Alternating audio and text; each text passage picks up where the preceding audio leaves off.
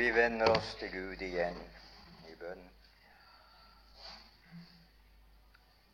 Vår Fader, formedels Jesus Kristus, vår Herre, så er vi da atter her i ditt navn, og vi har lyttet til ditt ord. Vi vet at vi har mange, mange som er med oss på frelsesveien. Vi vet at grunnvollen holder. Vi vet at vi kan regne med løfterne. Og du er på tronene nå, og du kommer din i hu. Syng de ord vi har lyttet til, den åndelige rustning, og la oss få lov at benytte den og velsign det som du har gitt meg for kvelden, at det må bli oss til hjelp og signing. Det ber vi jo Gud i Jesu navn. Amen.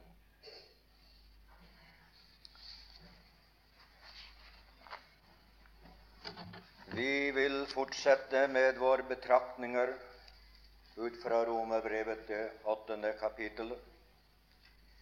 Og nå i kveld så skal vi lese de fire første versene i dette kapittel. Romerne 8, det fire første vers. Så er det da ingen fordømmelse for dem som er i Kristus Jesus. For livets ånds lov har i Kristus Jesus frigjort meg fra syndens og dødens lov. For det som var umulig for loven, i den var maktesløs ved kjødet, det gjorde Gud i det han sendte sin sønn i syndig kjøds lignelse, og for syndens skyld, og fordømte synden i kjødet, for at lovens krav skulle bli oppfylt i oss står ikke av oss, vi som ikke vandrer efter kjødet, men efter Ånden. Det første emnet jeg hadde, det var det umulige. Det gjorde Gud. Og jeg påpekte fire forskjellige ting som han gjorde, som hørte til det umulige. Og nå i kveld skal vi stanse ved et negativt emne. Jeg kunne ha talt over hva som finnes i Kristus, og det er også et herlig emne. Hvem kan vel lodde dybden der? Og hvem kan vel peile høyden, så vel som lengden og bredden? Men jeg skal dvele i kveld ved den negative side hva som ikke finnes i Kristus. Du vil kan hende synes det er merkelig et emne. Kan hende du vil være fullt enig med meg når jeg er ferdig. Denne negative side vedrørende Kristus vil i virkeligheten bevise den positive side og du og jeg vil være glad for det, at det er ting som ikke finnes i Kristus, så vel som det som finnes i Kristus. Og jeg skal påpeke mange ting i kveld.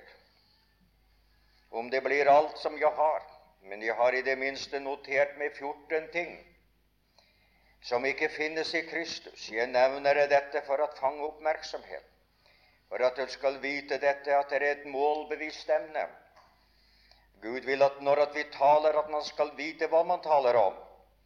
At man skal ha forståelse av at det er noe bestemt man tilsikter. Og vi vil prøve å stanse ved disse innenfor Herrens åsyn. For det første, der er ingen fordømmelse i Kristus. Ville du gjerne at det var det? Nei, ikke en eneste. Altså er du glad for den negative side.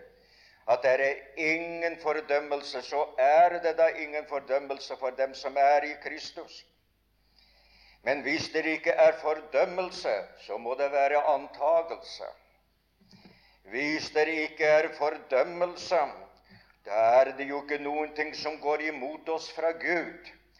Da er saken orden. Dommen den rammet Kristus for at den ikke skulle ramme oss. Og så er vi fri. Og hvor godt å vite dette.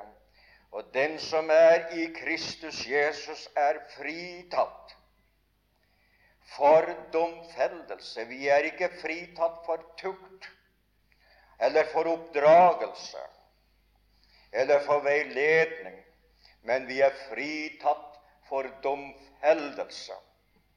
Og det hva det, det står i Skatterøredems oversettelse, er det da ingen domfellelse fordi Kristus kom som syndoffer og for syndens skyld og domfelte synden i kjødet for at du og jeg skulle få lov å være fri. Vi påpekte i går i en rettssak i Åndens verden alle de forskjellige som ville dømme oss, men at seieren ble vunnet på Golgata, og at frifinnelsesdommen, og vi er erklært å være rett at saken ble vunnet ved Kristus, som den som døde, og som den det lever, også de forskjellige, de fem ting, de syv ting som var nevnt, som var mer enn dette, mer enn dette, som garanterte at dommen ikke skulle ramme oss. Jeg vil ikke si mer om det, men der er heller intet slaveri i Kristus. Vi var en gang syndens slaver. Det er vi ikke nå, skulle ikke være det. For livets åndslov har i Kristus Jesus frigjort meg fra syndens og dødens lov.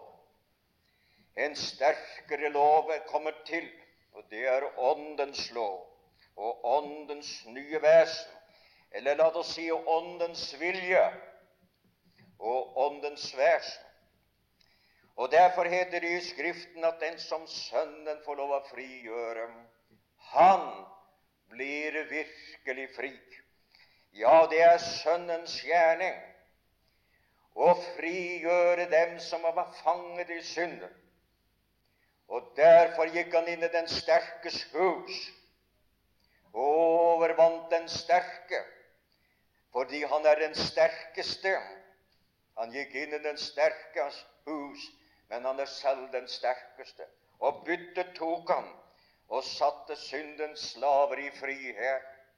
Og det er denne bildet, dette bildet som er anskueliggjort ved Israels barns utgang av Egypten.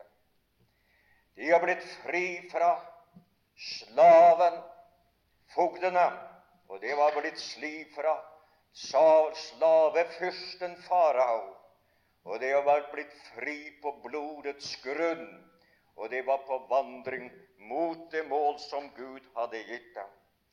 Helligånden tar slaven og setter ham fri i Kristus. Og det er noe av Guds barns herlige frihet allerede her i livet. For at de i herlighet skal oppleve denne vidunderlige herlighetsfrihet som venter Guds folk. Og så vi kommer til å tale noe om søndagen i avslutningsemnet. Men en videre der er ingen lovtrelldom i Kristus. Ingen lovtrelldom i Kristus Jesus. Livets ånds lov har i Kristus Jesus frigjort meg fra syndens og dødens lov, står det i det annet vers. Syndens lov, den binder, den bandt og gjorde menneskene til slaver, Israels folk til slaver. Og dødens lov, den dreper. Det er for loven slår i hjel. Men vi er ikke under loven, men vi er under nåden. Og denne beskrivelsen her Det er mange ting i Pauli-brevene som er tatt, som Ånden har inspirert Paulus til å benytte til at han skulle gjøre åndelige sannheter som hørte til bibelske manerer og skikker, eller nærmere bestemte som var benyttet i den romerske verden. Og her har vi også et bilde av det her. Vi er ikke under loven, men under nåden. Det er, det er en brytekamp. Som det er en som bryter, og den ene som bryter, ene bryteren heter loven. Og den han bryter med, det er synderen. Og så var de under loven, Israels barn. Og Kristus kom for å sette oss fri fra lovens forbannelse. Beseiret av loven, åpenbart som syndere, skyldige i alt. Og Det var bare én måte, og det ble tilgitt for alt. Og den som ikke har, hadde Moseloven, har samvittighetens lov. Og lover alltid stå for det som er vilje, og Guds vilje åpenbart. Og det er imot alt. Det som alltid som er imot Guds vilje, det er det som er synd. Og Det er åpenbart i Skriften. Syndens lov dreper, men vi gjør ikke lov. Men så kom Kristus, og så satte han slaven fri satte han grep inn i kampen. Og så beseiret han loven. Han oppfylte lovens krav. Og så sendte han en annen bryter. Og det var nåden. Vi er ikke lenger under loven, men vi er under nåden. Nå har nåden fått overtaket. Nåden har fått overtaket. Og så ligger vi der. Og du vet et menneske som ligger og en annen ligger over ham og holder ham fast. Det er jo det bryteren skal gjøre. Det er om å få skuldrene ned og si 'Nå er du overvunnet'. Å, hvor deilig å være overvunnet av nåden.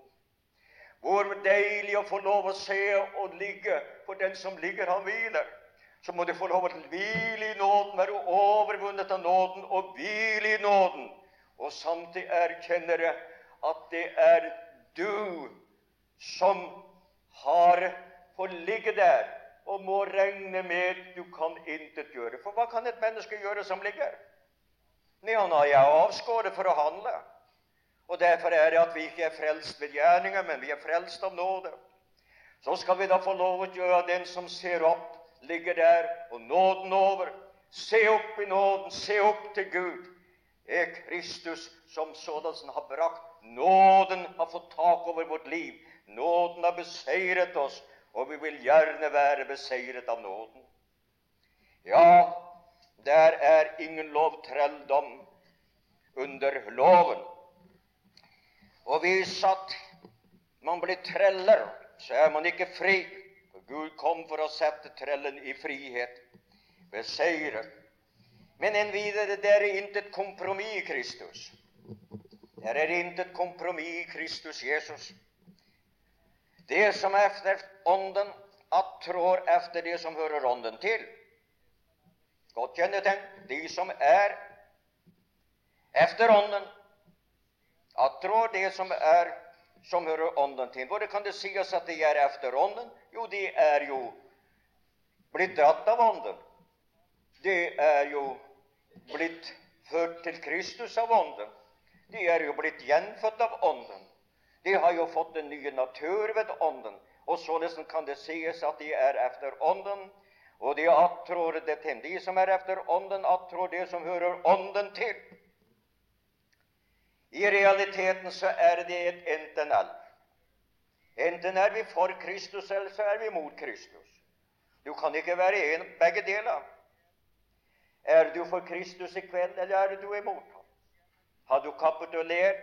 Har du tatt fått nåden slik som du er. Og så begynner vår Herre, da begynner Hans forandring av oss, hva man blir nye skapninger med et nytt liv, med et nytt innhold, med en ny interesse. Åndens attrå, det er liv. Det er liv og fred. Liv, det er samfunn med Kristus, det. Liv i virkeligheten betyr forening. Død betyr atskillelse. Liv, altså forening med Kristus. Åndens er liv, vil si forening med Kristus. Ja, er ikke det godt. Og da er det ikke kompromiss. Men er man opptatt med Kristus, så er man ikke opptatt med verden. Er man opptatt med Kristus, så har man noe bedre enn verden har. Det er spoleres. Åndens verk er å spolere oss fra verden. Livets, livet er samfunn med Kristus. Og friheten, det er harmoni, er ånd og liv. Liv og samfunn, gjentar jeg. Og frihet, til hvile. Fred, til hvile. Og hva er det? Hvilen i Kristi fullbrakte verk. Så det er Åndens verk. Dette samfunnet med Jesus og hvilen hos Jesus på hans, på ham som grunnvoll, i hans fullbrakte verk, da blir det sant at det er intet kompromiss i Kristus. Versligheten skal ikke være der. Man skal ikke skikkes i lik verden. Og Er man opptatt med Kristus, så dras man bort fra verden. Er man opptatt med ordet, så får man rede på hvordan ens liv skal være. Så kommer Ånden og oss til hjelp i våre skrøpeligheter. Men la meg gå videre. Der er ingen gjeld i Kristus. Ville du like at det var gjeld i Kristus? At du var en skyldner? Nei. Derfor, brødre, står vi ikke i gjeld til kjødet, så vi skulle leve efter kjødet. Nei, vi står ikke i gjeld. Det vil si, vi er intet skyld i kjødet. Og hvorfor er vi ikke skyldige? Regningen er betalt. Regningen er betalt. Skyldbrevet er slettet. Og den som har gitt seg over til vår Herre Jesus Kristus, har noe som verdensmenneske er.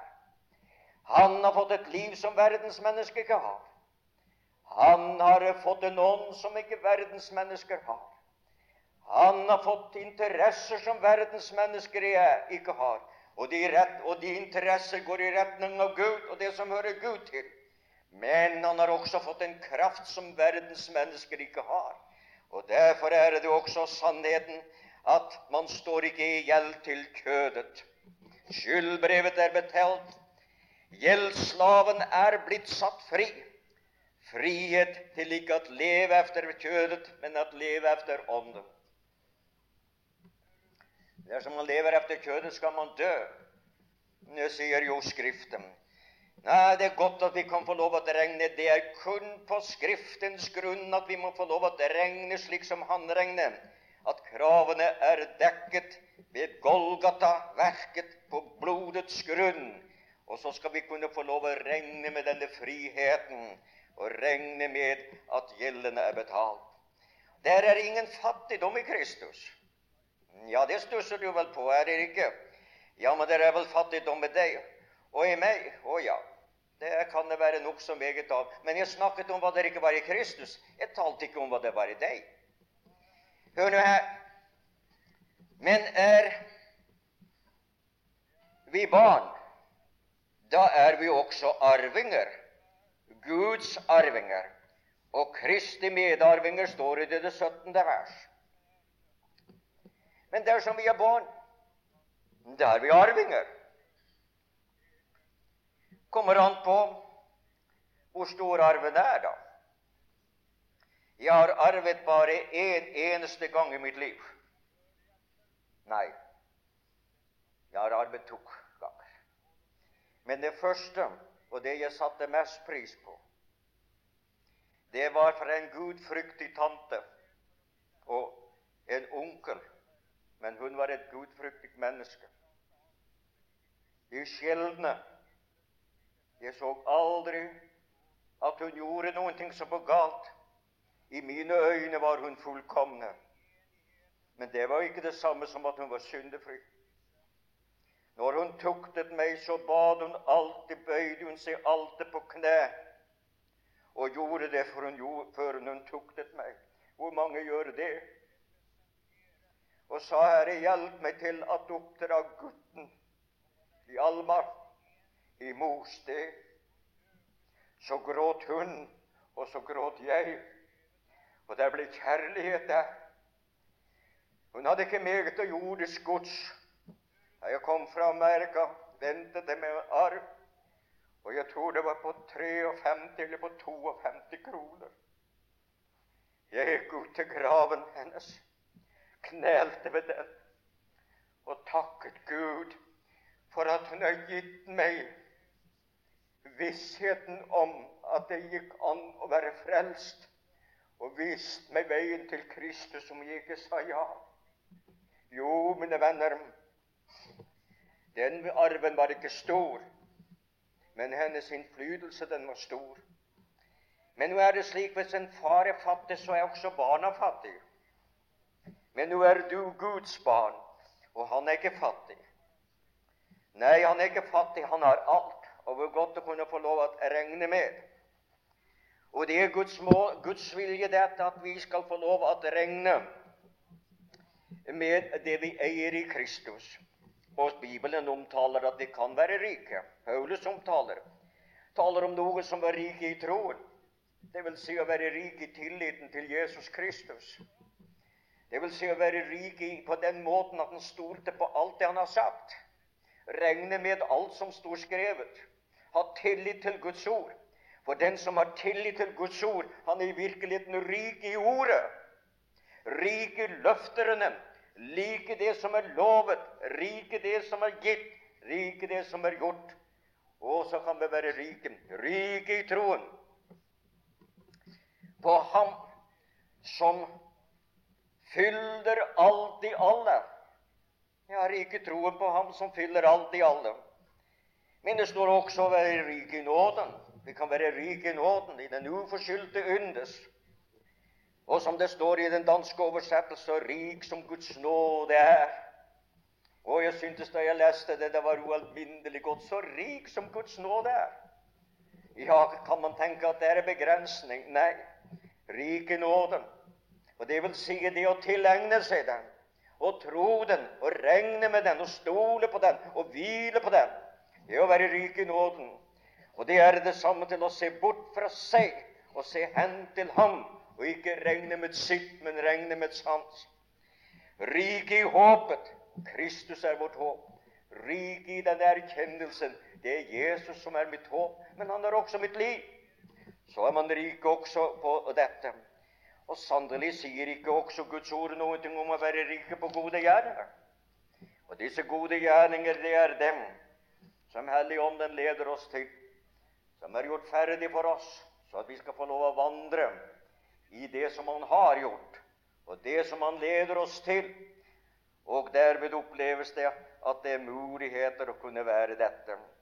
Men en videre det er ingen mørke fremtidsutsikter i Jesus Kristus. Og godt er det. For jeg holder for at den nærværende tidslidelse ikke er at akte mot den herlighet som skal åpenbares på, står det i det 18. verset. Den herlighet som skal åpenbares på oss, det kan ikke unngås at det kan være nåværende lidelser av mange slags. Det kommer vi ikke forbi, det. Men det er ingen mørke utsikter for fremtiden for et Guds barn. Et Guds barn det behøver ikke å være bekymret. Guds barn behøver ikke være redd for fremtiden. For fortiden er under blodet, og nå fortiden er underblodet, og nåtiden er i nåden, og fremtiden er i Guds plan med ditt liv. Du må få lov å regne med det. Det er ingen mørke utsikter. Fremtidig herlighet i riket. En herlighet, en synlig herlighet. Når jeg taler om herligheten, så står det i forbindelse med shekinaen, eller glorien og glansen, som omgir guddommen. Vi skal nevne noe om det på søndag. Hvordan det kommer til å stå i forbindelse med oss når vi bærer Hans Sønns bilde. Og det blir vel underlige ting, det. Fremtidsutsiktene er lyset for Guds barn. For verdens, for ungdommen i dag, er ikke lyst, men mindre de er på Herrens side. Derfor vil jeg si, si ja til Jesus hvis ikke du har gjort det. Si ja til ham, for der er lys i samvær med ham. Og da kan vi regne med at det er ingenting som møter oss i livet uten at det først må være innom Guds trone for sanksjon. Og alt det som møter oss, det tungeste slag og det tungeste følelse og tap, så er det bare Gud som kan gjøre det og kryste disse inntil at det drypper velsignelse av det. Det er bare Han som kan gjøre det. Således er det for den som er på Herrens side. Man snakker om at folk har alt på det tørre. Ja, du, min bror og søster, den som er på Herrens side, han er på den sikre side. Han er på den rette side, og han er på den trygge side. Men videre, det er intet ukjent område i dem som er i Kristus Jesus. Intet ukjent område. Hør hva det står. Han som ransaker hjertene, vet hva Åndens satro er. For efter Guds vilje går han i forbønn for det hellige, står i det 27. vers. Han vet nemlig at i ditt kjød bor ikke noe godt. Det bor ikke noen av oss. Det bor ikke. Vi har fått Guds ånd i vår ånd, i vårt innvertes menneske. Men det adamittiske kjød er like så adamittisk som det var før vi var frelst. Det er bare ved Guds beseirende ånd, besettende ånd. For å få ånden er det faktisk alt. Man taler om djevelbesettelse. Det vil si at djevelen inntar. Å få Den hellige ånd er i virkelig guddommelig besettelse. Det vil si å bli hærtatt og inntatt for å kontrolleres ved Den hellige ånd. Så han kan gi oss av Kristi fylde og av Kristi velsignelser og av Kristi kraft og hele det ting som han kan ta fra Kristus og overføre til oss. Han kjenner deg bedre enn du kjenner deg selv. Det er både alvorlig, men det er også trøsterik. Du er gjennomskuet, og så er jeg. Så er vi alle sammen men du er elsket. Er ikke det veldig godt? Da? Gjennomskuet og elsket fra evighet av. Vi var inne på det i en av mine taler.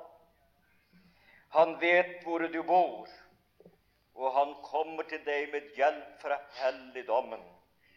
Og han er rik på miskunnhet. Gudskjelov, han har nok av den. Og Derfor må du få lov at det er ingen ukjente områder. Men han vil gjerne fylle tomrommene i vårt liv. Han vil gjerne forandre vår karakter så den blir mer lik Jesus. Og det er Åndens verk, dette at overføre fra Kristus til at det vinner skikkelse i oss. Og det er en livsoppgave. Det er ikke gjort på et blunk, dette det er hele tiden. Hele tiden for å få lov å si et nei, for samtidig å si et ja. Et nei til det som hører verden og synden og kjødet til. Gud hjelpe oss dertil. At vi samtidig kan få lov å si et ja til Herren. Og derved kommer strømmene inn over vårt liv og velsigner oss med all velsignelse fra helligdommen. På den måten er det at strømmene flyter. Du vet Det kan være nok av vann i huset, men så lenge kranen er lukket, kommer det ikke noe vann. Men sådan er det vi kan lukke opp. Vi kan lukke opp og slippe til. Og det mer vi gjør det, dess mer får Kristus skikkelse i vårt liv, og dess mer blir Han æret i vår ferd over handel og over vandel. Ja, jeg sa gjentar det, det er intet ukjent område. Men de områdene vil Herren kontrollere hos deg og hos meg. Ofte feiler vi. Ofte er det slik at vi må gråte og si 'Å, at det ikke var bedre'. at de ikke greide oppgavene bedre og sådan. Også det er kjent. Men da blir det så stille og så det godt i hjertet når vi sånn erkjenner vår egen intethet for å kunne få lov å hvile i Hans fylde og hvile i Hans nåde og hvile i Hans nærhet. Å, gudskjelov, da er det godt. Men la meg gå videre. Der er ingen tilfeldigheter i Kristus. Og vi vet at alle ting tjener dem til gode som elsker Gud. Dem som etter Hans råd er kalt, står det i det 28. Jeg har tre bibeltimer over det skriftstedet. Altså selvfølgelig med tilknytning med andre skriftsteder, for det er ualminnelig meget der. Men jeg nevner bare dette at det er ingen tilfeldigheter i Kristus. Og vi vet at alle ting skal tjene dem til gode som elsker Gud. Legger trykket på 'elsker Gud'. Dem som efter Hans råd er kalt. Intet skjer på slump. Det kan det skje med oss mennesker, men ikke fra Guds side. Og alle våre tider er i Hans hånd. Og vi selv er i Hans hånd og vårt navn er i Hans hånd. Og vi selv er i Kristus. Der er ingen slumpetre. Intet skjer på slum. Ingen skal En gang skal Guds barn få se og erkjenne. Bare godt og miskunnhet skal efterjage med alle mine livsdager. Å, hvor vanskelig det er å se det i dag. Og hvor mange, mange, mange har stått spørgende over det som møter i livet. Det kan være deg, det kan være meg, det kan være oss alle. Før eller senere blir vi stående overfor det. Vi kommer, ingen kommer utenom det. Men Herrens godhet dekker alle våre behover. Og Herrens miskunnhet tilgir oss alle våre synder. Og således er det ingen tilfeldigheter. Og når han sier 'alle', så mener han alle det som han står bak ved, det som er efter hans vilje. Og du kan lese hva som står foran efter dette.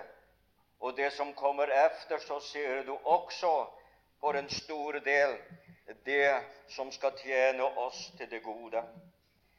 Der er ingen mangler i Kristus. La meg lese et skriftsted som beviser det. Han som ikke sparte sin egen sønn, men ga ham for oss alle. Hvordan skulle han kunne annet enn gi oss alle ting ved ham? Det betyr ikke at når du ber om å få, å få masse penger, at du får det. Og hvis du er en av dem som spiller i pengelotto, at du ber om å vinne, er jeg ikke sikkert du skal få noen ting av det. Nei da. Jeg husker om en som fortalte om en bergenser. Det kunne vel være noen fra noen hvilket som helst sted som reiste ut. Han var troende. Og så skulle han ut. Og så sa han hvis jeg får meg et fiskedag, så skal du, du, skal, du skal få største del. Og så var han ute med juksen. Mm, og så plutselig så stoppet det opp. Og så begynte han å trekke. Og så ble man klar over han hadde fått tak i en kveite. En stor kveite. Ja, sa han. Du får nå være tilfreds du får være fornøyd med hodet. Og så ble han ved å trekke, og så slapp han. Å, Herre, jeg mente det ikke. Du skulle nok ha fått det allikevel. Ja, sådan er mennesket. Ingen mangler i Kristus. Alt du behøver, er Ham. Hør det, min venn. Alt du behøver, det er Ham enten det er deg eller meg. Det er Jesus. Det er det store behovet for verden. Det er også det store behovet, Og alt du behøver, det har han. Det har han for deg og meg. Og alt det behøver, det gir ham. Og Derfor må du få lov å regne med å få leve på en guddommelig fattigkasse. Få lov å leve på et gavefond fra ham. Du skal få, du skal få, du skal få. Behovene skal dekkes. Jeg får ha litt mer. Der er ingen gyldige anklager i Kristus. Det var det vi betalte talte om i går aftes, men jeg nevner det som en, en av de negativer av de ting som ikke finnes i Kristus. Hvem vil anklage Guds utvalgte? Gud er den som rettferdiggjør. Og Derfor er det dette at du kan, der er ingen anklage fra ham, uansett om det kommer fra andre. Og så må vi få lov å gå til nådens trone og få musken å finne hjelp til rette tid. Og godt er det. Men det er heller ingen forglemmelse i Kristus. Ingen forglemmelse i Kristus. Andre kan glemme deg, og du kan glemme. Akk, hvor meget har vi ikke glemt. Og når man begynner å bli eldre, så, det, så har man lett ved å glemme. Noen glemmer hurtigere enn andre, og så fort videre. Det blir borte. Men du er ikke glemt. Nei, gudskjelov.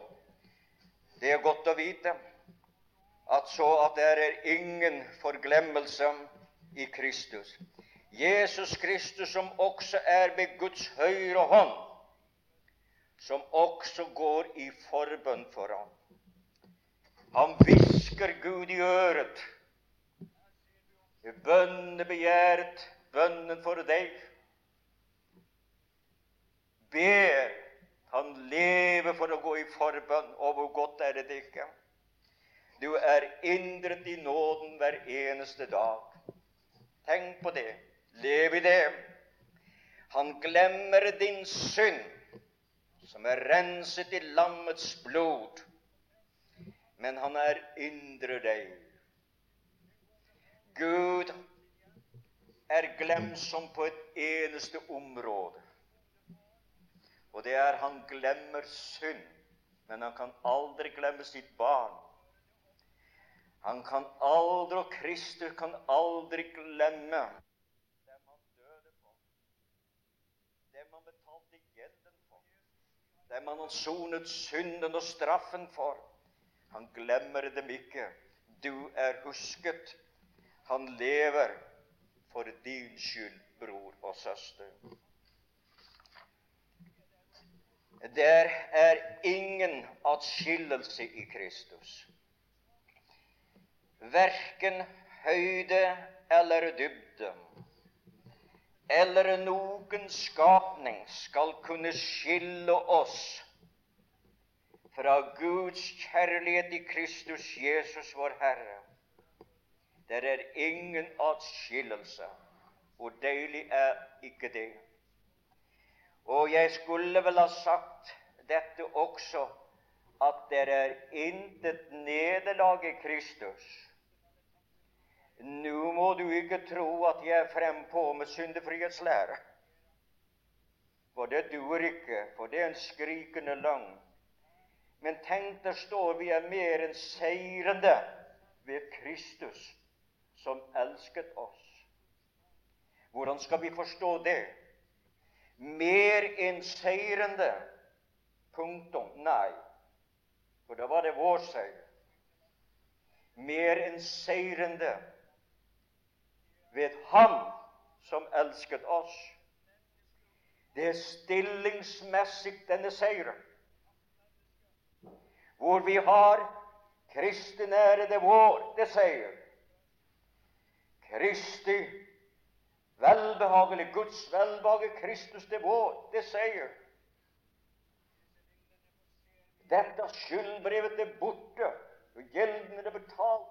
Det sier for oss, men det er ved ham. Dette at djevelen er overvunnen, det er seier. Det er stilling for oss, slik at vi er innelukket og skjult hos Gud.